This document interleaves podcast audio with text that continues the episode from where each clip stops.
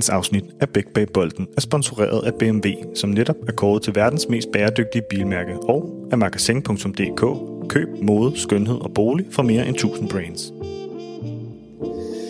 Så har du valgt at lytte til Bæk Bag Bolden, podcasten, der handler om fodboldens hverdag.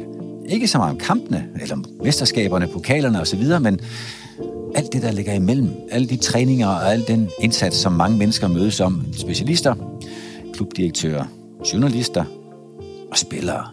Og i dag der er jeg rigtig, rigtig begejstret over at få lov til at sidde i selskab med efterårs profil i Superligaen, kåret af Tipsbladet, nemlig dig, Jobbe, eller Jesper Lindstrøm. Velkommen til, Jesper. Tak for det. Jeg kan næsten ikke finde ud af at sige Jesper. Det, Ja, det er også, øh, der er ikke, hvem er- kalder dig Jesper egentlig? Min mor, hvis jeg har lavet ballade. Øh, Ellers, Ja. ja. øh, øh, ej, der er ikke så mange. Der, jo, selvfølgelig folk, der man, man ikke kender, men, men jeg begynder at blive øh, kendt under navnet Job, ikke? Så, ja. så det er meget skønt. Der står stadigvæk Lindstrøm på din trøje, når du spiller for Brøndby hernede på din bane, vi kan kigge ned på nu. Det ligner sådan et, et, et, et bedre månelandskab. Ikke banen, det var fantastisk, men der, alle de der månefartøjer, der står derude med, med lysanlæg, der, der sørger for, at der er vækstlys. Den skal være klar jo til søndagskamp mod Vejle. Så. Ja, og hvordan er det nu lige, det er, når man spiller de her kampe på den her årstid, og I allerede nu har oplevet at trampe banerne godt op? Hvordan, hvordan er det her nu at være fodboldspiller i Superligaen? Det er selvfølgelig lidt anderledes. Øhm, især på den måde, jeg spiller fodbold. Øh, jeg kan godt lide at have drev med bolden, og kan godt lide at, at have bolden tæt på mine fødder, og det må jeg indrømme, det er lidt svært på de baner, der, der spilles på lige for tiden. Men jeg synes, vi, vi kommer godt fra det, øh, og, og så længe vi kan få lov til at spille fodbold i de her tider, så er jeg glad. Øhm, og det går, det går meget godt, så Ja, det gør det i talende stund, hvor vi sidder nu her øhm, og optager. Der ligger Brøndby nummer et. Øh, du er jo stadigvæk Superliga-topscorer det er jeg. og øh, efterårsprofil. Og hold, hold, dig- hold dig fast, mand. Hvordan håndterer du alt det? Jeg mener, øh, jeg kan da godt huske, at vi sad og skrev din første øh, kontrakt hernede på kontoret nede under os, og, og, øh, og de tanker, som den unge Brøndby-fan, du jo også er, stod Ja. med der. Nu, nu pludselig så har du næsten indløst alle ambitioner på kort tid, også for landsholdsdebut. Hvad, hvad fanden sker der? Undskyld mit sprog. Ja, det ved jeg ikke. Først og fremmest var det jo en stor dag, da jeg fik min første kontrakt øh, som, som professionel fodboldspiller. Øhm, men i en rolle, hvor jeg, hvor jeg var inde i truppen og også skulle spille mig til øh, og, og gøre det, jeg, jeg kan. Øhm, men, men, men ja, det er jo gået meget hurtigt. Det er rigtig, rigtig hurtigt. Øhm, som du selv siger, for, for debut for A-landsholdet. Efterårsprofil, topscorer i Superligaen.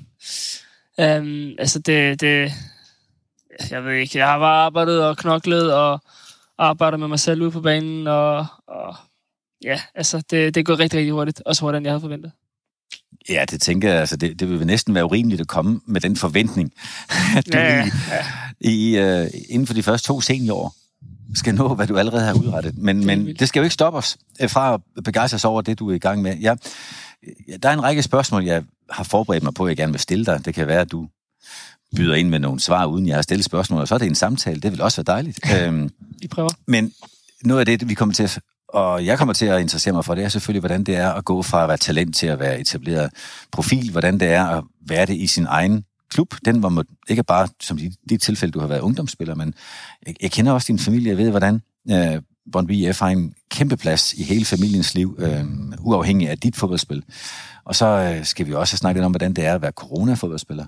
Og hvad sker der, når man er egen herre for sin egen præstation, og hvordan har du gjort det, og så videre. Så der, der, der er et langt partitur foran mig. Jeg sidder med min lille bog her, for, hvor, hvor jeg har en række spørgsmål også, men det skal ikke bestemme det hele. Det er det, du bringer til bordet, ja. Uh, allerførst, når nu, nu skal jeg ikke fortælle dig om din familie, men jeg kan fortælle lytterne, at uh, når man har været en del af Brøndby, og det har jeg fået lov til, tak for det, så, så lærer man også din familie at kende. Ikke bare fordi din, din storebror står nede, fast nede på sydsiden, når der i øvrigt er mulighed for at komme derned og stå. Ja. Øh, dine forældre er også frivillige her i, i foreningen, og det er ikke bare frivillige, frivillige sådan i ny og næ, det er, jeg har indtryk af, at det er en livsstil. Ja. Øhm, Hver år. hver, ja, lige præcis. Og, øhm, og du har jo også trådt mere end fodboldsko i den her klub. Du har også været med uden for banerne, og du har været en del af Brøndby IF, og den har været en del af dig i så mange år, så det bliver svært at skille ad. På et eller andet tidspunkt, så kommer det sikkert til en skillevej. Det behøver du ikke have en holdning eller melding om lige nu. Men allerførst vil jeg godt høre, hvem, hvem omgiver du dig med, når du har skulle tage den vandring, du har gjort? Altså, en ting er din familie, der mener noget og sikkert holder af dig. Eller, det ved jeg, for jeg har også hørt din mor fortælle om, hvor pragtfuld du er uden for banen. Ja. Men, men øh, hvilke, hvilke ressourcepersoner bruger du ud over din familie i dit fodboldspil? jeg bruger, det er jo klart, jeg bruger, bruger mine venner øh, rigtig meget, øh, som også er kæmpe Brøndby-fans, øh, til at snakke om kampen. Og de er der ofte, selvom det går skidt, så, så, så roser de mig, øh, ligesom og, og gør mig glad. Og så er det, så er det, så er det jo klart, at man har, man har nogle mennesker omkring sig, som, som ikke kun er familie, men, men her for mig har det været, har det været vigtigt at arbejde med, med en mentaltræner, øhm, som hedder Morten, øhm, Morten Bertholdt, som har, har hjulpet mig øh, i, i en periode, der var rigtig svær for mig. Øhm, og, og, og selvfølgelig hjælper mig stadigvæk, og kommer også videre frem til det. Øhm, og han har været, været en god støtte til at give mig den ro, som jeg har brug for, når jeg spiller, spiller mit spil på banen. Øhm, det her med ikke at glemme sig selv. Øhm, man skal hele tiden man skal hele tiden huske på, hvor man kommer fra. Man skal huske på, at man, man selvom fodbolden er en meget seriøs og koncentreret sport, så kan du stadigvæk gå og grine og, og have det sjovt, fordi det er det, det startede. Øhm, det var det der med, at man, man kom med sine venner, og, og det var hyggeligt, og det var sjovt, og, og så spiller man en time tid, så kommer man hjem igen til sin familie. Øhm, så har jeg jo selvfølgelig min agent, øh, og min, min, min, min andre mennesker omkring, omkring det firma. Patrick Wozniacki er også en, en god hjælp i forhold til det her med at være offentlig person. Han ved, han ved hvordan det er i forhold til hans søster, og for ham selv for den sags skyld. Så Henrik Jensen har også, har også været, en, været en rigtig, rigtig stor rolle hos mig. Hentede mig allerede, eller snakkede allerede med mig som, som 15-årig. Øhm, om hvad, hvad jeg kunne gøre bedre, så min kampe. Alle de her mennesker. Altså Henrik Jensen, den tidligere Brøndby-spiller og træner, Lige og præcis, træner i en række andre klubber, ja. Ja, han, han mig ind og, og hjalp mig og, og så min kampe, uden der var noget omkring det. Han ville bare gerne... Han, han så et eller andet i mig, og, og har hele tiden set mine kampe og kommet med nogle fif om, hvad, hvad jeg skal gøre bedre. Alle de her ting og mennesker, der har været omkring, har 100% hjulpet mig.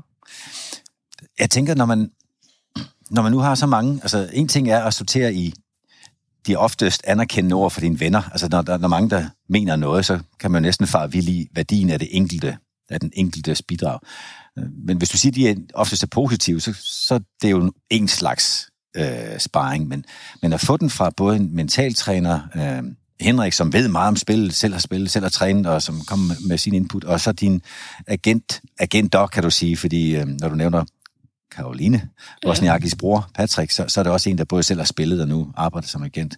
Øhm, så kommer der jo mange inputs, som ikke er fra din træner. Hvordan delen håndterer du og vægter du alt det? Det er jo, det er jo meget forskelligt, fordi når man, det, det er selvfølgelig altid træner, der har sidste ord i forhold til, hvad man skal gøre på banen. Øhm, så det, det ligger i, det er det der med, at, at for eksempel Morten, som er mentaltræner, han, han, hjælper mig med, han hjælper mig ikke, hvad jeg skal gøre på banen. Øh, forstået på den måde, om jeg skal løbe til højre, jeg skal løbe til venstre, jeg skal presse, blive tilbage, løbe mindre. Men han hjælper mig, hvordan jeg kan få ro, øh, og hvordan jeg kan møde bolden, slappe af i mig selv. Altså, hvordan jeg mentalt kan, kan være i nuet. Øh, hvis jeg laver en fejl, så er det videre, så kommer der en ny bold, hvor du kan lave en fejl, hvor du, og alle de her fejl, dem lærer man af. Så han hjælper mig ikke om, øh, omkring, hvad, hvad, hvad jeg skal gøre på banen. Det, det er Niels, der står for det. Øhm, men han hjælper mig, hvordan jeg kan slappe af i, i måden at være, på mig, være i mig selv og, og, og være på banen. Øhm, og så er der jo, så er der jo ja, roser fra, fra vennerne, som du siger, men, men det er jo heller ikke, det er jo igen heller ikke sådan noget med, jeg synes, du skal gøre det her, jeg skal gøre det her. Det er mere det her, jeg synes, du spillede godt. God kasse. Øh, skal vi se, snakke om kampen, et eller andet. Øhm, igen, det er heller ikke om, omkring, hvem der bestemmer, fordi vi, vi alle sammen ved jo godt, at, at sidste ord har Niels. Øhm, og, og hvis han sender mig på bænken, så sender han mig på bænken, så må jeg jo arbejde endnu hårdere og snakke med min, med min mentaltræner, hvad, hvad jeg så skal gøre. Øhm, men, men sidste ord har Niels jo, og det, det, ja, det ved folk godt. Især Henrik, som også selv har været cheftræner. Ikke? Ja, det er rigtigt.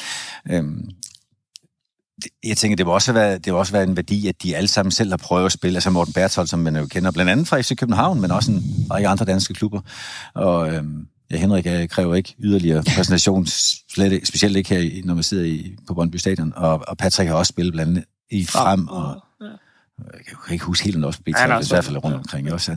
Så de, de har jo prøvet på kroppen, de skal ikke kun forstå det med hovedet, og, men, men det der jo er din opgave, når man bruger øh, folks sparring på den måde, det er, at det alt sammen henvender sig til hovedet. Det er kun din træner og fodboldtræner i klubben, der kan få det sat ind i kroppen. Men alt det andre gør, de putter det ind i hovedet.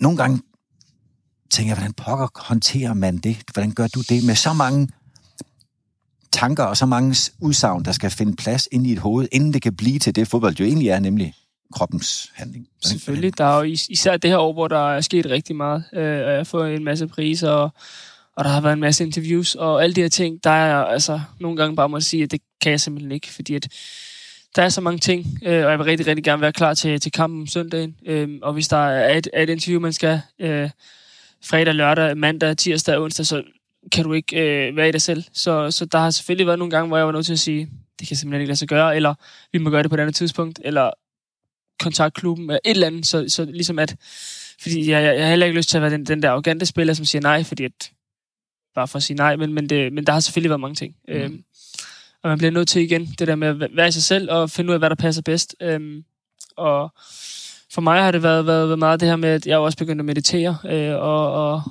øhm, altså finde den, den der indre ro. Øh, og det gør også bare, at jeg kan, kan være der er på, øh, på arbejde, hvis man kan sige sådan, til træning, og når jeg er uden for min dør, bare stadigvæk være den der glade dreng, øh, og bare være, altså leve, leve livet og være, være, være glad. Det kan man jo også se på den måde, jeg spiller fodbold. Øhm, som, som, som jeg fortalte kort lige inden, det her med, at jeg hopper op på banden, sidder og, og smiler, øh, sidder og klapper, og altså, det, er jo, det, er jo bare, det er jo bare mig i nødskal, at det her med, at Selvfølgelig kan der være nogle ting, der er hårde i livet, men, men, men jeg ser oftest positivt på det. Øh, og hvis det bliver for meget, så siger jeg fra. Øhm, og det har jeg lært, at det, det, det skal man gøre, for ellers så, så går det kun ud over en selv. Stærkt. Ja, det her, det kan godt... Jeg er lidt spændt på, om det kommer til at virke det her, Jobbe, fordi det, jeg er jo den gamle mand, og du er den unge. så jeg skal passe på ikke at gøre gamle mands tanker til den her, men, men jeg sidder og prøver at se, om jeg kan skrue tiden tilbage til, da jeg var på din alder. Jeg var øh, på ingen måde nær han er været lige så dygtig som dig, så jeg har slet ikke de overvejelser, øh, den ydre verden, som du har. Øh, men jeg kan i hvert fald huske, at jeg ikke øh, gjorde mig så mange tanker om, hvem jeg egentlig var. Øh, og når du nævner, og, og også godt hjulpet af Morten Bertholdt, øh, det der med at huske at være sig selv og, og hvile i sig selv, og, og det som meditationen også skal gøre for dig, det er at hjælpe dig til at, at huske at have et anker i dig selv, hvilket jeg jo bare kun kan klappe anerkendende af. Så tænker jeg, hvordan pokker Altså nu, det, du skal svare på, kommer nok lidt senere, for jeg tænker ikke, du kan svare på det næste her, men du kan måske dele mine overvejelser Hvordan pokker kan du holde styr på, hvem du egentlig er? Altså, kan du forstå, hvor... Selvfølgelig, hvor selvfølgelig. Men, men igen, der har jeg også en, en som, som vi selv har været inde på, min familie, som er, er nok øh, ankeret, som du sagde, som nævnte før, i hele det her. Øh, de har altid haft den der idé om, at, at, fodbold, eller, at fodboldspillere, de, de godt kan blive lidt et højrød. Øh, og der har de hurtigt skruet mig ned. Øhm, der var jo en periode, med, hvor jeg lavede øh, to mål mod dansk, og der var, jeg var over det hele. Øh, og der er det hurtigt, man, man, man, man kommer lidt op, og man tænker, åh, hvad sker der nu? Og, og, og, og, og der var det hurtigt til at sige, tag det stille og roligt. Mm. Øh, du kommer til ikke at spille igen på et eller andet tidspunkt. Bum, så fik jeg en på, hvor jeg ikke spillede. Øhm, og det, det har de været gode til at, at, at hjælpe mig med. Og det er igen dem, der også har, har, har hjulpet mig til at slappe af og, og nyde det, og hvis du laver en fejl, så laver du en fejl. Altså, det, mm. det, verden går ikke under. Øh, og, og så længe, at jeg, jeg kan lide, hvad, hvad jeg laver, øh, så støtter de mig 100%. Og det, det er jo selvfølgelig altid fedt at have, have bag sig, at der er nogen, der, der altid er der i, i både modgang og, og modgang. Så de er også en del af 100%. den Jesper, du er.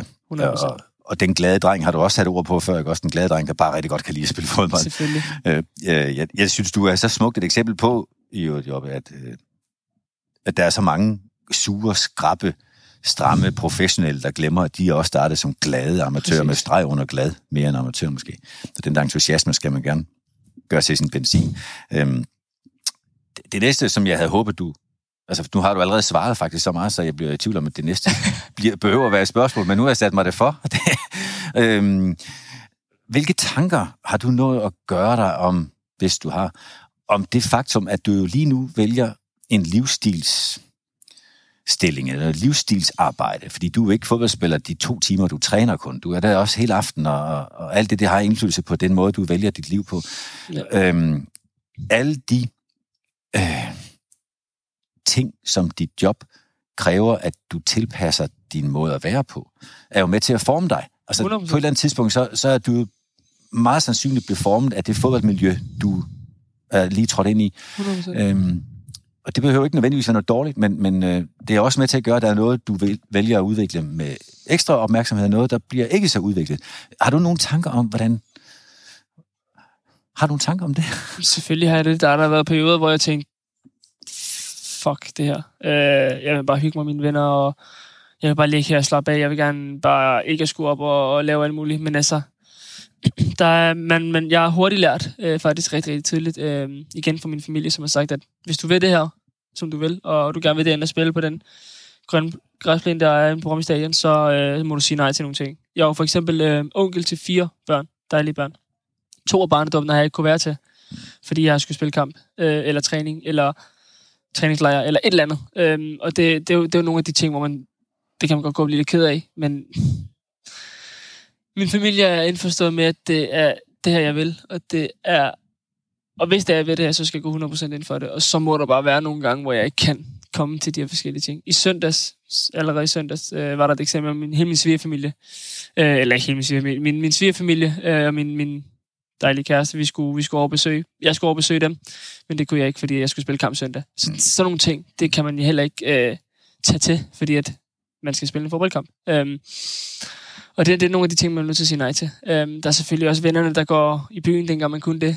Det siger du også nej til. Øh, du kan ikke lige øh, skrive, hvad du vil på de sociale medier. Der er nogen, der holder øje med dig. Der er altid et eller andet. Det, jeg, jeg plejer at gå efter det her med, at som fodboldspiller har man rigtig meget fritid, men man har ikke særlig meget frihed. Øhm, og, og det er jo sådan, jeg har valgt at leve mit liv. Og det er jo bare noget, man bliver nødt til at adapte sig til og, og leve ud fra. For, øh, for hvis man vil det 100%, så er det sådan, man bliver nødt til at gøre. Jeg tænker også, at der er en ret stor chance for, at jeg virkelig er en, en, en anachronisme, en tidsboble øh, her, fordi øh, jeg skal jo også huske, at det er jo ikke kun dig som ung fodboldspiller, der er meget eksponeret, og folk mener noget om. Det gør det også om dine kammerater, der ikke spiller fodbold, fordi de har også en social profil et eller andet sted, som, som man kan få hak på i tuden af, eller, eller skulderklap, hvis det skal være men, det. Men det er jo igen det der med, at så hvis man laver noget dumt, så er det en fejl, og så er det videre. Fuck det, man behøver ikke, altså, undskyld mit sprog, men man behøver ikke at tænke så meget over sin altså, ting. Men så længe man har det fedt, og man, så længe man, man, man hver dag tænker over sine konsekvenser, altså tænker over, hvad man egentlig går og foretager sig. Lige præcis i sådan en periode, som vi er i nu, der kan jeg ikke tage ud og lave alt muligt, fordi vi er i en periode med corona. Jeg kan ikke komme tilbage og smide mine holdkammerater. Så altså, du bliver nødt til, man bliver nødt til selvfølgelig tænke over, hvad man laver, men igen, hvis du laver en fejl, så laver man en fejl. Vi er også mennesker, og det er det, det, er det jeg lever meget ud fra, det her med, at så længe man, man står ind for de ting, man laver, og så længe man hviler i sig selv, så kan alle mennesker fejle. Har du tænkt over, når, når nu du bliver i sådan en raketfart, som du er blevet jo eksponeret, altså kåret til altså mange kåringer, mange priser. Øh, årets spiller i klubben her også? Nej, det var Max Ej, hvor er det en ja. modig beslutning. Men jeg er jo, det sidste halve år spiller jeg jo ikke så meget, så det, det, det, det, synes jeg er færdigt, og han har også været sindssygt god. Så, ja. så det, det er øhm, men derudover, alt den anden medgang, vi allerede har rundt, øhm, så selvfølgelig bliver du meget eksponeret, og øh, nu tænker jeg ikke så meget på alt det, det betyder, du ikke gør. Altså de fester, du ikke går til, at den svigerfamilie kommer sammen, du ikke var til, at barndåbne og sådan noget. Mere øh, måden, du måske øh, reducerer det, du kan finde på at gøre. Altså, køber du også franske oste nede i supermarkedet, for eksempel? Hvis folk de står og kigger ned og siger, det er ikke pisse fedt, det mad der, er det ikke? eller, eller alle de ting, som der kan følge med. Altså, man kan blive så privat, når man får en stor overflade, så man næsten bliver hemmelig for sig selv. Det har jeg jo, da mødt men, i grader. Jeg ved ikke, om du tænker på det? Selvfølgelig, det er jo det der med, at man bliver nødt til at være ops op på, hvad man for eksempel skriver på de sociale medier. Hvad man for eksempel lægger ud. Øh, jeg kan jo ikke øh, skrive, øh, hold kæft, hvor jeg er træt af en eller anden øh, person, eller et eller andet firma, eller et eller andet selskab. En eller anden form for, for, for ting. Altså, der bliver jeg ligesom nødt til at sige, okay, det bliver nødt til at holde for mig selv, eller den tager med min familie, eller et eller andet. Mm. Så selvfølgelig tænker man derover, at man, man, er jo, man er jo en offentlig person, øh, og der bliver holdt øje med en. Øh, så, så selvfølgelig bliver man da lidt privat, men, men igen, altså, hvis du bliver set et sted, hvor du ikke skal blive set, så er det ærgerligt. Altså, vi er jo også mennesker. Man har, man har, som mennesker er det, har du ret til at fejle. Mm. Og så længe det ikke er helt vildt dumt, så tror jeg nok, tingene skal gå. Øh, og altså, vi kan, vi kan heller ikke leve som, som, som maskiner, og, og hvis vi har brug for, at, at, man har lyst til at drikke en øl, så drikker man en øl. Hvis man har brug for at tage ud og spille noget golf, så tager du ud og spille noget golf. Altså, det behøver ikke at være så regelrødt hele tiden. Så altså, for mig, der lever jeg det liv, jeg har lyst til at leve, og, og så længe at jeg præsterer på banen, og så længe jeg kan give alle mine medfans øh, et show hver kamp, så, øh, så fungerer det for mig. Stærk formulering. Mine medfans. Altså, så mange fodboldspillere i Danmark, som jeg nu ellers har mødt, så er det alligevel første gang, jeg hører en præcis bruge det udtryk. Det er stærkt. Jeg er jo fan. Det er du jo. Har altid været det, så. Ja. Har, har du lagt mærke til, om dine kammerater og dine medfans syn på dig øh, har forandret sig meget efter du er blevet en profil på banen, og ikke en kammerat tribunen? Det synes jeg faktisk ikke, det har. Mm-hmm. Øhm, jeg synes bare, at de, øh, altså, de er, som de er. Og selvfølgelig er, har man da fået nogle beskeder nogle gange med, hvad så? Åh, oh, det er længe siden, skal vi ses. Og hvor man er sådan, okay, vi snakker ikke så meget sammen inden, men, men, men dem, man, man har nært, de er jo bare, som, som man nu er. Altså, de støtter, og de ser ens kampe, og så spiller man noget FIFA, og altså, det, det, det, det synes jeg egentlig ikke har ændret sig så meget, så det, det er jeg sindssygt glad for. Jeg, jeg ved jo, du, du må jeg også passe på mit sprog, vældig, vældig god til FIFA. Um, jeg har også set dig vinde uh, FIFA-turneringer, uh, blandt andet blandt andre Superliga-spillere og så videre, og i Europa. Ja, der blev semifinalen. Ja, semifinalen. Ja. Det er stadigvæk helt vildt for mig. Ja. Og du skal jo vide, at når man nu for eksempel har børn, øh, også yngre end dig, og det har jeg, øh, så, så er der jo flere af dem, der kender dig fra banen også, men der er nogle af dem også, der siger, nej, spiller han også fodbold? Fordi de ved, at du spiller Jamen, FIFA. det er det, det er det. Jeg har jo, jeg har jo nogle, nogle venner, som Daniel Dingo forresten, ja. som spiller FIFA. Ja. Og der har jeg jo også fået nogle fans, hvis man kan sige, derfra, fordi at jeg har hygget, hygget med dem, og og det er jo det, hvis, hvis man kan blive bredt ud til, til forskellige ting, så er, det jo, så er det jo sindssygt fedt, at hvis jeg kan gøre nogen glade, og nogen kan få et smil på læberne af en eller anden form for underholdning, jeg laver, om det er på banen, om det er på en stream, eller det er i FIFA, så gør jeg gerne det. Mm. Det synes jeg bare er hyggeligt. Mm. Og når jeg selv kan lide at spille det, så hvorfor ikke uh, få andre med ind i, i showet? Oh ja, det er klart. Øhm, og jeg tror, at der er generationsprofil. Nu skal jeg ikke gøre det til en snak om generationsprofil, men jeg er simpelthen... Jeg bliver så, jeg bliver så ked af det, hver gang jeg måtte høre unge børn på et stadion, fodboldstadion, og det er så ikke så tit i de her tider, men da det var muligt, der siger, ej, det var sjovt, det var næsten så sjovt som FIFA.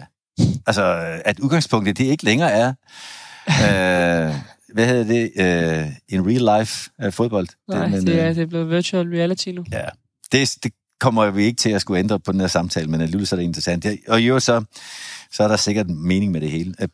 Jeg skal spørge dig lidt mere ind til det at være gået fra at være talentet, som var kendt her i klubben, til at, at tage skridt ind på den store scene.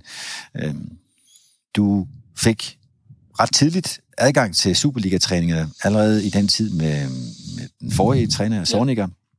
Ja. Og, øh, og du var også med, det var Sorniger, der gav dig debut. Ja, mod Marienløst i pokalen. Lige præcis. Øhm, men historien om, hvorvidt de øh, danske talenter nu var klar eller ej, er jo fortalt, altså hvorvidt Sorning i hvert fald synes det. Kan du fortælle lidt om, hvordan det var at komme med store håb i din drømmeklub og få tidlig adgang, men så bagefter for ligesom få oplevet kagedåsen blive lukket i for fingrene af dig? Altså for mig var det jo, var det jo helt, helt vanvittigt øh, fedt at kunne få lov til at komme med på træningslejr. Øh, de forskellige steder og kunne træne med førsteholdet, fordi det var det, man, man så i fjernsynet, og man så på stadion. Så selvfølgelig var det, var det en kæmpe oplevelse. Og så kom der jo, kom der jo udtale, hvor at vi ikke var mentalt stærke nok. Og, og for mig, ja, så, så meget lagde jeg ikke i det, men Altså, det selvfølgelig motiverede det mig, og det gjorde mig bare endnu stærkere. Øh, men selvfølgelig, det var der, det var der lidt over at høre. Øh, men igen, jeg har altid, jeg har også i min mindre år haft mindre år, nu er jeg ikke særlig gammel, men, men i min tidligere del af karrieren, da, karrieren, da jeg var U17, der øh, spillede jeg heller ikke så meget, øh, fordi at jeg havde ikke størrelsen med mig, og der prøvede jeg også at have det, det der med, at jeg får at vide, at du er ikke udtaget til kamp, eller du er på bænken, eller så, så jeg havde ligesom fået sådan nogen form for beskeder før. Så for mig har det egentlig bare været, været, været om at knokle hårdt og, og, fortsætte med, med det, jeg godt kan lide at lave. Øhm, og selvfølgelig var det da ikke sjovt at høre. Men, men igen, man, man blev bare nødt til at knokle endnu bedre og knokle endnu mere, og så kom der en ny træner, og nu spiller jeg meget, og jeg synes også, det går godt. Ja, og det sidste er ikke... Ikke for at tage noget fra, for Sorninger var også en skide god træner. Han, han hjalp mig også øh, rigtig meget mentalt øh, med det her med, hvor hårdt det egentlig er som fodboldspiller, og hvad der egentlig skal til for at komme på holdet. Øh, så ikke for at tage noget fra ham overhovedet, fordi han var også en skide god træner. Øh, men ja. Nej, der er jo ikke nogen træner, der øver sig i at gøre det unødvendigt svært for sine spillere tværtimod. Men, øhm, men det at skulle gå igennem en, øh, en umiddelbar først lidt medgang, og så markant modvind for at få lov til at spille der, hvor du allerhelst vil. Øhm, overskriften var, at de danske talenter er ikke mentalt stærke nok. Var det der, at du tog fat i Morten Bertolt? Det var det faktisk senere? ikke. Nej. Det var først, da øh, jeg havde scoret min mål mod dansk. Det var først, da jeg begyndte at få ja, det down igen, øhm, hvor jeg, jeg snakkede med min agent om, hvad, hvad vi gør egentlig, og så sagde han, at han kendte Morten Bertholdt, og øh, han har egentlig synes, at de spillere, han har sendt hen til ham, har, været, været, har fået de her ekstra procenter, øh, fordi det er jo kun få procenter i fodbold. Og så sagde jeg, lad mig da prøve det af.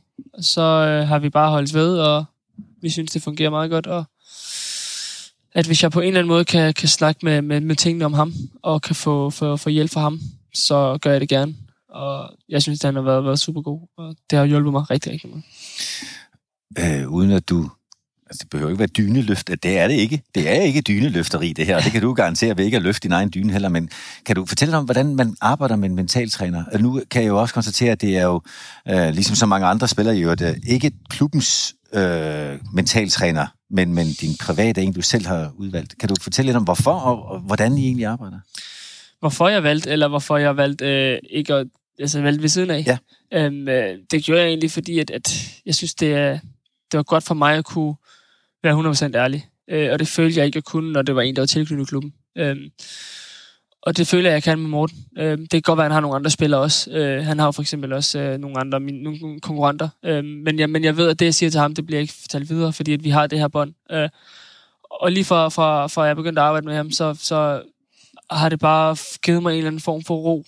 Øh, og det var, det var der med, at man, man startede med at lægge et fundament omkring, hvem man var, og hvem der var ens øh, support, og hvem der var ens fjender. Øh, og, og, og så har vi så, så småt arbejdet videre med det, og ligesom, han ser jo også mine kampe, og kan se på mig, at der er nogle af de kampe, hvor jeg har spillet, især i starten, hvor jeg var helt panisk, når jeg fik bolden. Det skulle ske på første touch, det skulle ske på med det samme, og jeg havde jo tænkt tanken inden, og så alle de her ting, det var nogle af, nogle af de ting, vi skulle arbejde med.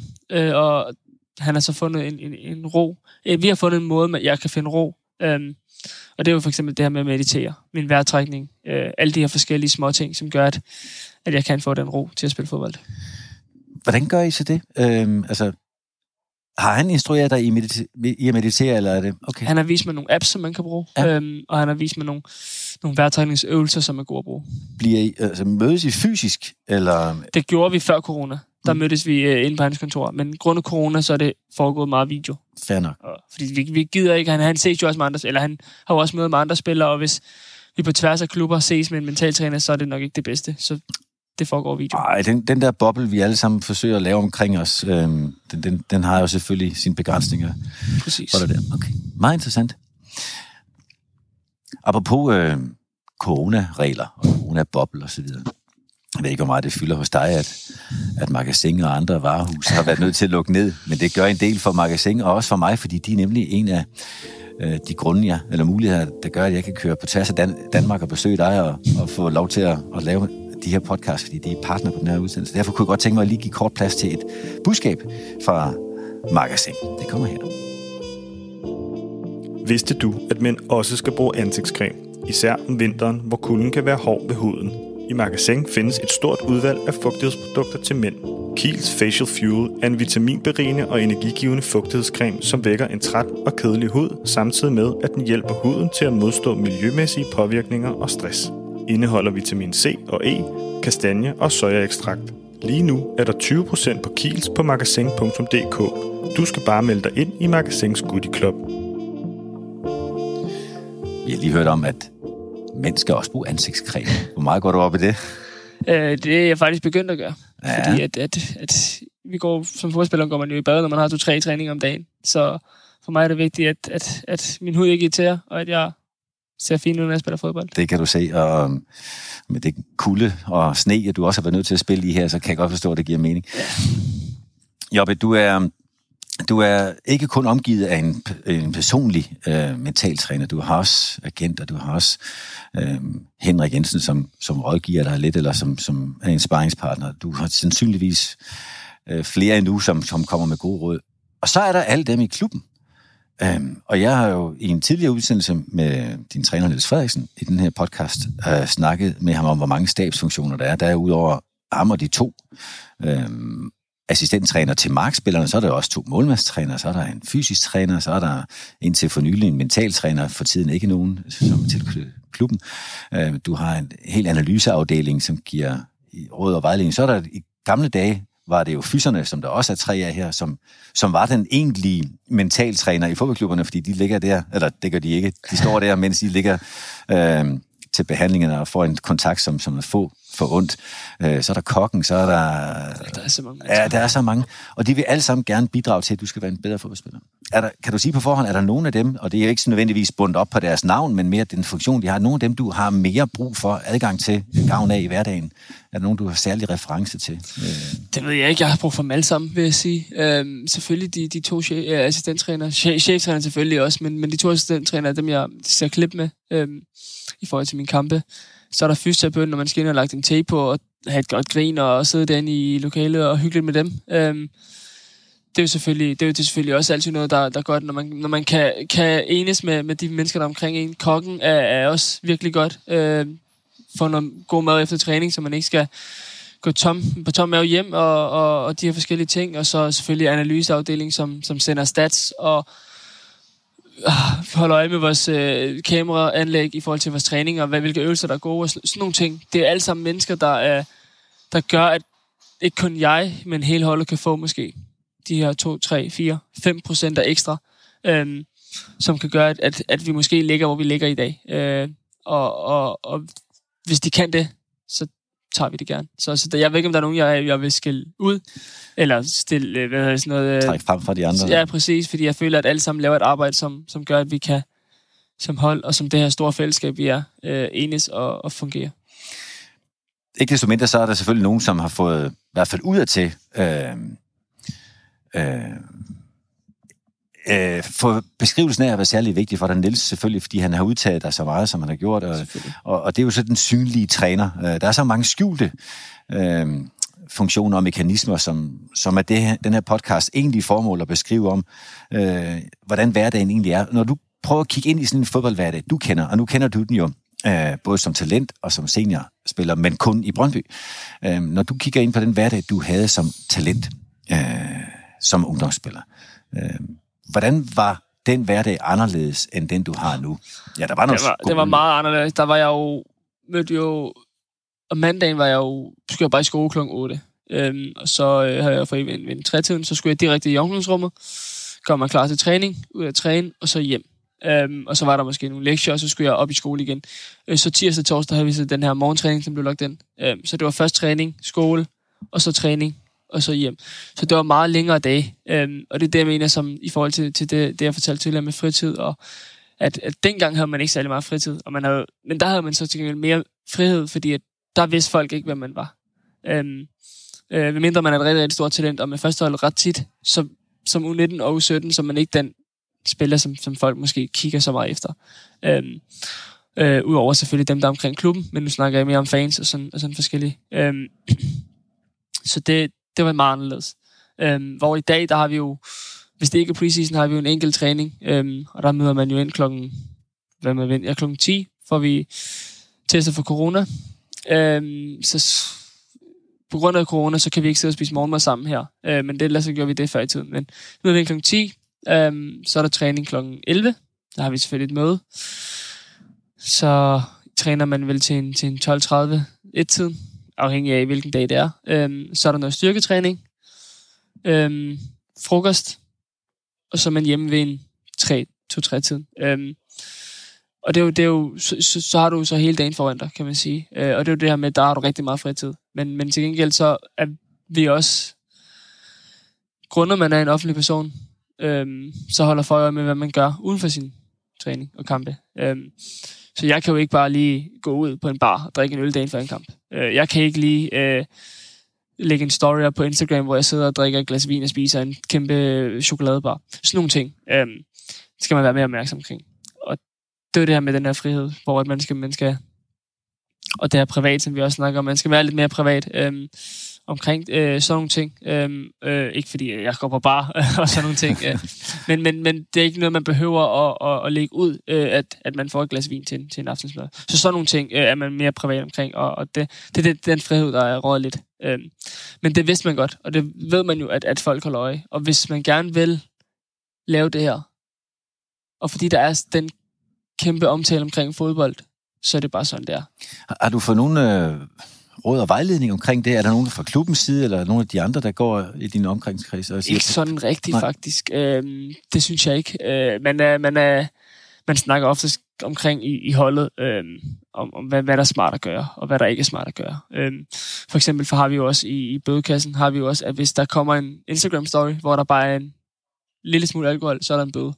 Øh, bare for ligesom at, at, at give det her signal om, at, at hvis du gerne vil have en, en øl eller et glas vin, så gør det øh, med din kæreste i, til aftensmaden, og lad være med at lægge noget ud omkring det. Øh, fordi at vi er jo også mennesker, så, så man skal også hygge sig. Øh, Øh, og der er det her med, at man er en offentlig person, og der er børn, der sidder og følger med, og, og alle de her forskellige ting. Så selvfølgelig øh, bliver, man, bliver man lidt mere privat omkring tingene. Ud af den tangent, og jeg synes jo kun, det er rimeligt godt det der, og der, der er jo også klubber, som de steder laver medietræning og alt muligt andet med, med spillerne, øh, det kan også have sit formål.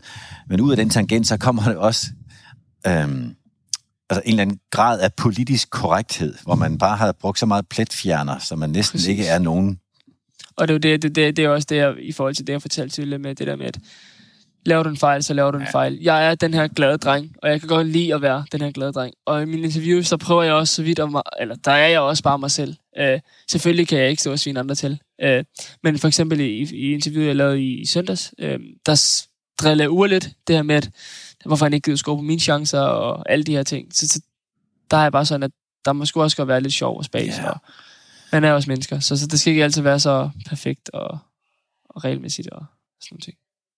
Det er godt, at du holder fast i det. Det får du også anerkendelse for, har jeg jo lagt mærke til, også, at, at det ikke behøver at være så perfekt. Fordi jeg tænker også, altså der går sådan en amerikansk øh, politiker-tendens i det lige pludselig med, at man går alt liv igennem for at se, om der er en lille bitte, bitte fejl, man kan hæfte sig ved.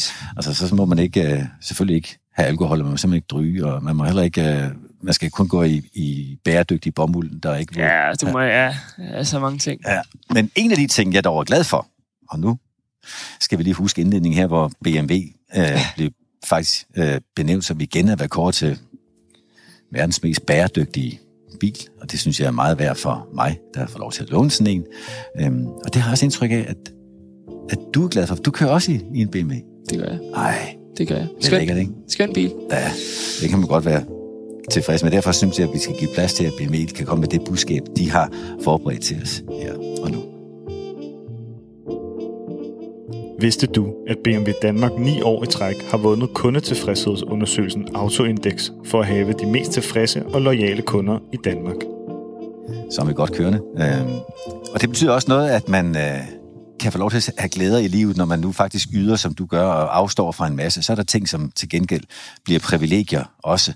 Øhm, jeg tænker, uden at kende hele omgangskredsen, du har, at, at du på et eller andet tidspunkt er ramt ind i at have en bedre økonomi, end, end man normalt har i din alder. Og, og det var heller ikke længe for, at mange unge fodboldspillere de faktisk har en bedre løn end deres forældregeneration osv. Der vokser en hel masse med der i de privilegier, er der noget, som du går og tænker, det skal jeg saftsus med huske mig selv på hele tiden at være taknemmelig for? Fordi jeg har lagt mærke til, at det, der i dag er fantastisk, bliver det nye normal i morgen for rigtig mange af os. Um, hvad, hvad holder du fast i som noget særligt for dig? Jeg holder fast i det her med, at jeg rigtig gerne vil have en god opsparing. Øhm, det har været øh, rigtig vigtigt for mig. Øh, ikke bare at gå ud og brænde en masse penge af, fordi man, man er kommet til penge. Øhm, og det er igen også noget, min, min familie har sagt til mig, at, at der er ingen grund til at køre i nu kører jeg så i BMW, øh, men det er også en god aftale, jeg har fået lavet. Øh, men der er ingen grund til at gå ud og bruge øh, 20.000 om ugen på, eller om måneden på tøj, øh, når du har masser af tøj, og du har Adidas og alle de her forskellige ting. Så der er ingen grund til at bruge, bruge en masse penge, når de kan, de kan gemme, fordi på et eller andet tidspunkt, karrieren er jo forhåbentlig længere, men ikke så lang som et normalt arbejde er. Øhm, så man skal også have noget at kunne leve af efter. Øhm, og det er noget af det, jeg har tænkt mig over i forhold til at, at altid lægge penge til siden. Og det har jeg gjort lige siden jeg fik ja, lidt mere, end jeg fik, øh, da jeg var lidt mindre. Ja, og, og så er der også, øh, og det, det, det er jo god gammel snusfornuft, øh, så er der også dem, der tænker, jeg skal også huske at lægge noget andet til side, altså noget fremtidig investering. Jeg tænker ikke på det, penge, men mere på, på øh, sin karakter, sin person, og, og nogen vil også gerne uddanne sig, mens de, går, øh, mens de spiller fodbold. Øh, har du nogen tanker om den del? 100 procent. Jeg har, har snakket med lidt mennesker omkring at begynde at gå til lidt, lidt eller med noget sprog, øh, fordi jeg godt kan lide at, at kunne snakke med, med en masse mennesker, øh, og hvis, det kan også 100% hjælpe mig i min karriere, hvis jeg kan det forskellige sprog. Øhm, så, og det her med at, at investere i noget, noget lejlighed, noget, øhm, og ligesom i stedet for at de står på en konto, så brug dem klogt. Øhm, fordi som, som vi kom ind på tidligere, så har jeg mange mennesker omkring mig, og der er mange mennesker, der ved rigtig mange ting omkring alle mulige ting. Øhm, og lige præcis nogle investeringsting, der er, de, der er de kloge. Så det er også noget, jeg er begyndt at, at sætte mig lidt fast i. Mm. Øhm, for at ligesom have en, et fundament til, at hvis der skulle ske et eller andet, så har man i hvert fald det her, man kan falde tilbage til. Ikke? Hvilket sprog lærer du? Jeg vil rigtig gerne lære spansk. Ja. Øhm, så har jeg jo lært lidt tysk i forhold til min skole, men det vil jeg gerne blive bedre til. Øhm, og jeg synes bare, det kunne være fedt at lære nogle forskellige sprog. Øh, bare sådan at kunne snakke lidt med, med forskellige mennesker. Og igen, hvis jeg skulle til en klub i udlandet på et eller andet tidspunkt forhåbentlig, øh, at kunne, kunne kommunikere med dem. Øh, så der er egentlig ikke noget fast, øh, men jeg har altid syntes, at, at spansk lyder, lyder flot, og jeg ved ikke hvorfor, men jeg kan godt, jeg kan godt lide spansk. Øh, og så fordi tysk, det har man lært i skolen, så, mm. så det, det, der har man ligesom allerede bygget det her fundament omkring. Øh, men, men, men lad os sige, at hvis jeg en dag skal til en, en, et andet sted, øh, Italien, England, et eller andet, nu kan jeg jo godt engelsk, men, men Frankrig, et eller andet, så vil jeg jo gøre alt for at lære det sprog også, fordi at det der er ingen tvivl om, det er meget værdifuldt, når man står der, fordi Præcis. det gør bare, mange ting bliver ikke problemer, men bliver nemmere, og det, det tror Et jeg, der er jo, er jo Blas her i, i klubben, ja. som ikke uh, er begyndt at lære engelsk nu, men, men ikke kan, altså, han har jo han har for eksempel lidt svært med at kommunikere med andre, og, og det er jo meget sådan amigo og, og, og sådan nogle ting, de der små ord, man kan. Uh, og der kan jeg godt mærke, at der, der, der har det selvfølgelig været, været federe for ham, hvis han, hvis han kunne sproget. Ja, oven i den møg elendige integration, han nu får med sin skade ja, også. Selvfølgelig. Det var, det var ærgerligt. Ja, det var det. Var, det var ikke uh, sjovt for nogen. Nej. Øh, også fordi han, han kom jo ind med, med lyn og torden, og, og det var en af de bedste debuter, jeg har set. Uh, og så et minut før han blev skiftet ud, så uh, ja, klapper fælden. Så sprog øh, som en del af den, skal vi sige... Og så har jeg jo en gymnasiel uddannelse også jo. Ja, ja. Øh, så der kan jeg jo altid bygge videre på, øh, på et eller andet tidspunkt. Det bliver jo også nok noget online noget øh, på et eller andet tidspunkt. Men, men igen, jeg, nu har jeg lige fundet den ro og, til at bare tænke på min fodbold og, og gøre alt, hvad jeg kan for den lige her de her år, og så kan det komme på den tidspunkt. Jeg kan, jeg, jeg, jeg kan tænke tilbage på den tid, mit første Superliga-trænerjob, der var jeg en meget ung mand, jeg har ikke været meget mere end 33. Øh, der, de stakkels OB-spillere, jeg skulle træne der, fik jeg også at vide, at jeg så gerne, at de tog en eller anden form for uddannelsesforløb ved siden af, så de kunne, om ikke andet, holde hovedet i gang. Og, og de, de søde gutter, de gjorde det, så der var syv, der meldte sig til guitarkursus. Vi havde noget af en afslutningsfest, kan du tro. Ja, det kunne jeg da forestille mig. Gypsy Kings, øh, men det var, det var lidt en anden version. du har, du har mere tid, end du plejede at have, og du har mindre frihed, end du plejede at have. Du har gjort dig tanker om, hvordan din person og det at være rodfæst i dig selv skal, skal være med til at udtrykke den spiller, du også skal være. Du har snakket om meditation som en vej.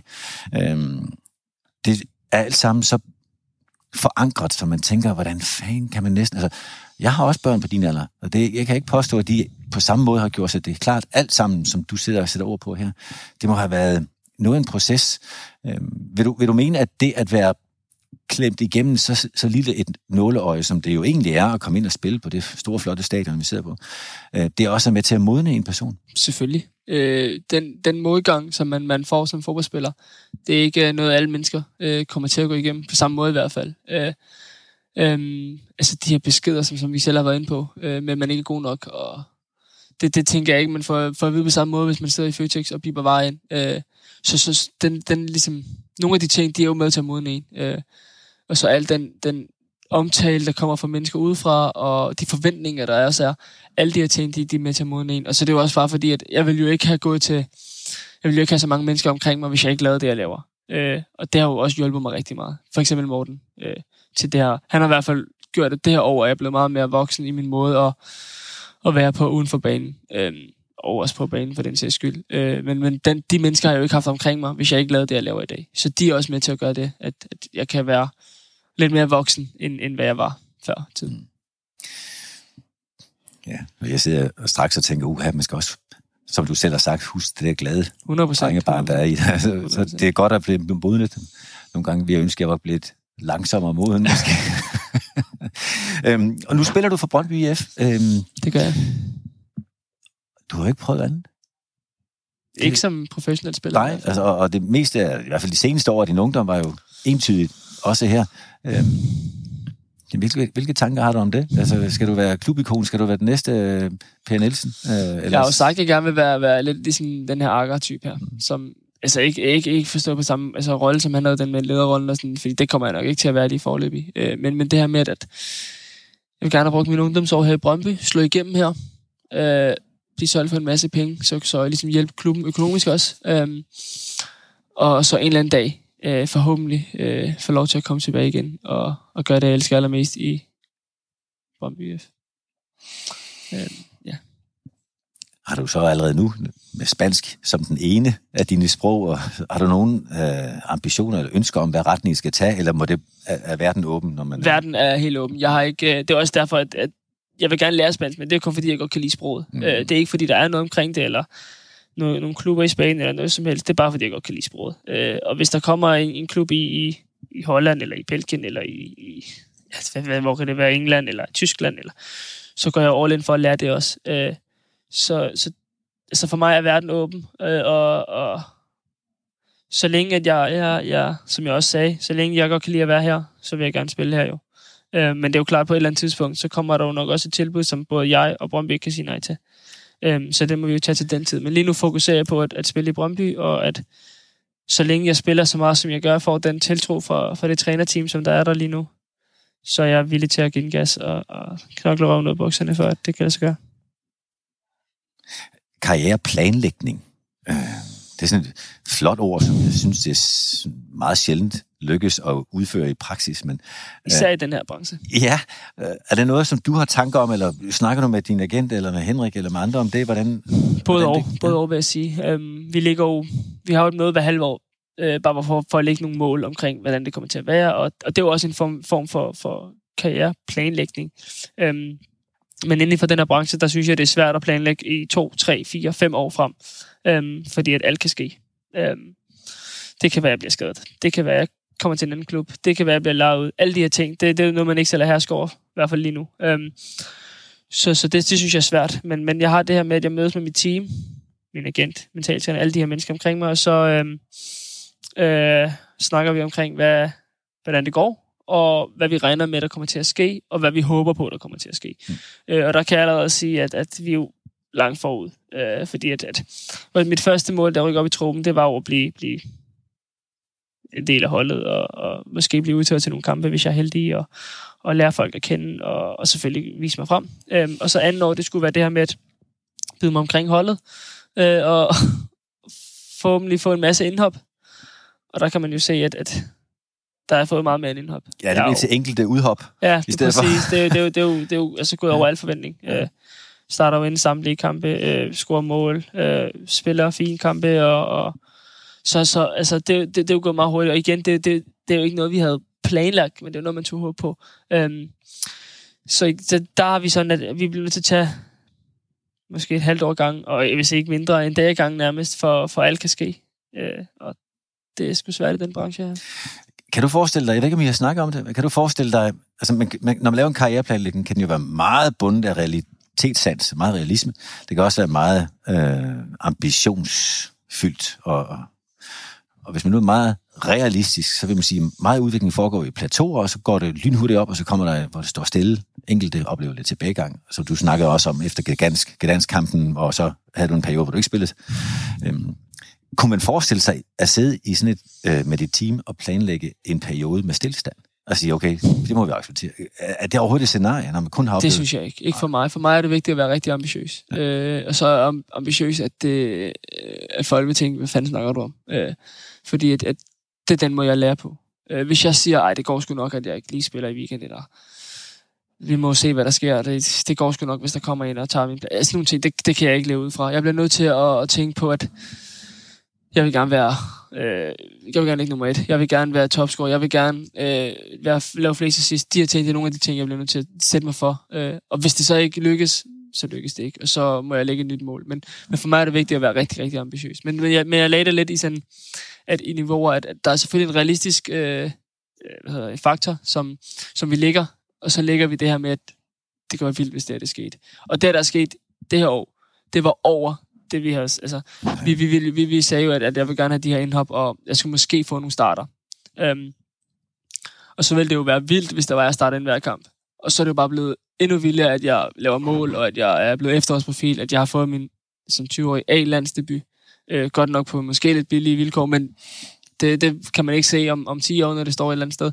Så alle de her ting, det er jo det er ambitiøse mål, men, men, men for mig er det også vigtigt at lægge ambitiøse mål, for ellers så når jeg ikke det, jeg gerne vil nu. Øhm, har, I, har du en holdning til, hvad det så er for en slags øh, rute? Altså, øhm, nogle agenter, nu skal det ikke skyde hverken dine agenter eller andres sådan, specifikt noget i skolen, men nogle agenter, de arbejder med, at en, en god spiller skal have fire klubskifter. Helst. Og det er ikke kun fordi, de jo får deres honorar typisk også ekstra ved, ved klubskifterne, men det er også fordi, de ser sådan, det skal være en trappe. Mm. Så er der andre, tag Josef Poulsen, som også har været med i en episode af den her podcast, som jo faktisk øh, nu på hvad, syv år i træk, ja, er i samme klub, ja. men hvor, hvor klubben har udviklet sig i et tempo, hvor han er gået fra at være, jeg skal under med en klub, der spillede i fjerde række, rykket dog op, inden han kom til den i tredje, øh, og nu spiller han senest Champions League semifinal ja. som anfører jo, ikke? Øhm, ikke seneste, det var sidste sæson. Og, øh, og det at have sådan et forløb, hvor man siger, jeg skal afsted ja, hen, hvor jeg kan... Liverpool i går. Og... Ja, det gjorde han også. Der er der godt nok ude, men det er så, hvad det er. Ja, ja. Øhm, det er stadigvæk acceptabelt at starte ud mod Liverpool i Champions League ja, i enkelte kampe, ikke? Ja, ja. altså, hvilke overvejelser tænker du, hvad, hvad vil være et drømmescenarie for dig? Øh, fire-fem klubskifter, eller finde et sted, hvor du kan udvikle dig sammen med klubben på vej op til det maksimale niveau? Det synes jeg er svært at sige. Ja. Det synes jeg er rigtig svært at sige. Ja. Øhm, for mig er det vigtigt, at jeg udvikler mig. Og hvis jeg gør det i en klub i, i 4-5 år, så gør jeg gerne det. Øh, men hvis det ikke fungerer for mig, og jeg ikke spiller, så vil jeg gerne videre. Øhm, og det er jo også det, jeg siger. Så længe jeg spiller her, og jeg spiller, altså jeg spiller fast, og trænerteamet har en helt vanvittig tiltro, så er jeg ikke travlt. Øhm, fordi jeg godt lige at spille i en klub, hvor jeg føler mig tryg. Øhm, og man siger jo ofte, at der lige går i hvert fald et års tid, før man sådan spiller på sit niveau, fordi man lige skal lære folk at kende, konceptet, menneskerne omkring. Så det, jeg synes, det er svært at svare på, faktisk. Øhm, fordi at for mig er det ikke vigtigt, om, om jeg kommer til en masse fede klubber. Øh, for mig er det vigtigt, at jeg bliver så god, som jeg vil. Øh, at jeg ligesom om, om ja, forhåbentlig om 5, 15 år først, øh, måske 20, hvis jeg er heldig, øh, sidder og tænker, jeg fortrød sgu ikke gøre det her. Det gider jeg nemlig ikke ud i. Øh, eller jeg fortrød, jeg ikke gjorde det her. Hør det. Jeg for, det, ja. Præcis. Øh, så det gider jeg nemlig ikke ud i. Så for mig er det vigtigt, at jeg kan hver dag komme til træning i sted, hvor jeg føler mig tryg og hvor jeg ved, at jeg kan udvikle mig. Øh, og så må det, om det bliver i otte forskellige klubber, eller det bliver en, forskellig, en klub, det, det må tiden vise. Men, men, men igen, der har jo også været, været, været altså, eksempler som, som Totti, der kun har været i Roma, og de, det er jo også sindssygt fedt, og de er jo også klublegender. Men jeg tror på, at hvis, hvis jeg kommer til et andet sted her, og jeg kommer tilbage igen til Brøndby, øhm, øh, og, jeg, og jeg sikrer med en masse penge, så tror jeg også, at de godt vil kunne, kunne lide mig. Så, så for mig er det egentlig vigtigt at kunne udvikle mig rigtig meget, øh, og så kunne, kunne give noget til de klubber, i hvert fald den klub her, øh, som har hjulpet mig rigtig, rigtig meget. Og det burde jo være udgangen på den her samtale, men jeg må lige få lov at stille et, tilbage, et spørgsmål tilbage her. Øhm, og det ved jeg ikke, om du kan svare på heller, men... Øhm, Prøv. Ja, hvis jeg kendte alle svarene, skulle jeg jo ikke spørge. Men øhm, hvis du, du skulle lave et billede af, altså når nu du kigger hen over den fremtidige ambition, du har, Øh, hvis du skulle prøve at beskrive i billeder, ikke sådan noget, så vil jeg gerne have noget 10 mål og 15 landskampe, øh, øh, men hvis du prøver at male et billede sammen med mig her, for hvordan det ser ud, når du lykkes ultimativt, når du er blevet så god, som du drømmer om at blive, uanset hvilken rute det har taget derhen. Har du, et, har du sådan en, et billede af, hvordan det ser ud, når du, er, når du ved, nu har jeg lykkes med det allermeste? det tror jeg sgu ikke, fordi jeg, som, som jeg også sagde, så er jeg meget ambitiøs, og jeg føler ikke, jeg kan nå øh, øh, et sted, hvor jeg siger, nu har jeg nået det. -agtigt. Øh, jeg vil altid have mere. Øh, som det øh, er vinde Champions League med Brøndby, øh, så vil jeg endnu, så vil jeg endnu mere, så vil jeg vinde Champions League to gange med Brøndby. Altså, der er altid et eller andet, et eller andet nyt at sætte, synes jeg. Øhm, så jeg ved ikke, om der er noget, jeg ved ikke, om jeg kan male et billede, hvor det bare er, jeg, jeg har sgu opnået det. Så skal det være, når jeg er færdig. Og jeg, og jeg sidder i min, min stol sammen med mine børn og sidder og tænker, ja, jeg har sgu, det, det har sgu været fedt. Men jeg tror aldrig, jeg kommer til at nå til et punkt, hvor jeg siger, nu er det fint, nu kan jeg bare slappe af. Ik- ikke så længe jeg spiller fodbold i hvert fald. Så det synes jeg er svært at gøre. Fordi jeg vil altid have mere. Altid. Ja, det er jo det forbistret ved ambitioner og ved konkurrencesporten, men det er samtidig også lidt besnærende. Øhm, nå, så vil jeg ikke smashe på den, for jeg havde også overvejet, hvis nu du havde et billede, hvordan vil, vil jeg så reagere på det? Fordi jeg har i hvert fald trænet spillere nok til at vide, at de meget tit gerne vil det næste niveau. Og øh, så har jeg bare sagt til dem, det er nemt nok. Du skal bare være den bedste træning i en hel uge. Ja. Hvis du er den bedste hver dag til træning i en hel uge, så har du hvert fald mindst nået det næste niveau. Og så kan du selv vælge, hvilken liga du vil spille i, og hvor mange landskampe du er. Øh, Det er det, der hedder med et ord umage. Ja. Øhm, og det har jeg set dig gøre. Det var et stolt øjeblik for os begge to, da du skrev under på din første professionelle kontrakt nede var på det det kontor. Jeg var glad for at være den ene af de to underskrifter. Og, øhm, og det er spændende at følge dig og din karriere herfra. Du skal have utrolig mange tak, Jobbe, og det bliver du ved med at være for mig, øh, fordi du vil deltage i den her snak. Og selvfølgelig også tak til både BMW og Magasin for at være med til at, at muliggøre de her øh, optagelser, og til jer, der lytter med. Det er jeg også taknemmelig for. Bliv ved med det, og kom gerne med forslag til enten emner eller gæster på trosbæk.com. Så har I også indflydelse på det. Tak for Dagens afsnit af Bæk bag bolden er sponsoreret af BMW, som netop er kåret til verdens mest bæredygtige bilmærke, og af magasin.dk. Køb mode, skønhed og bolig for mere end 1000 brands.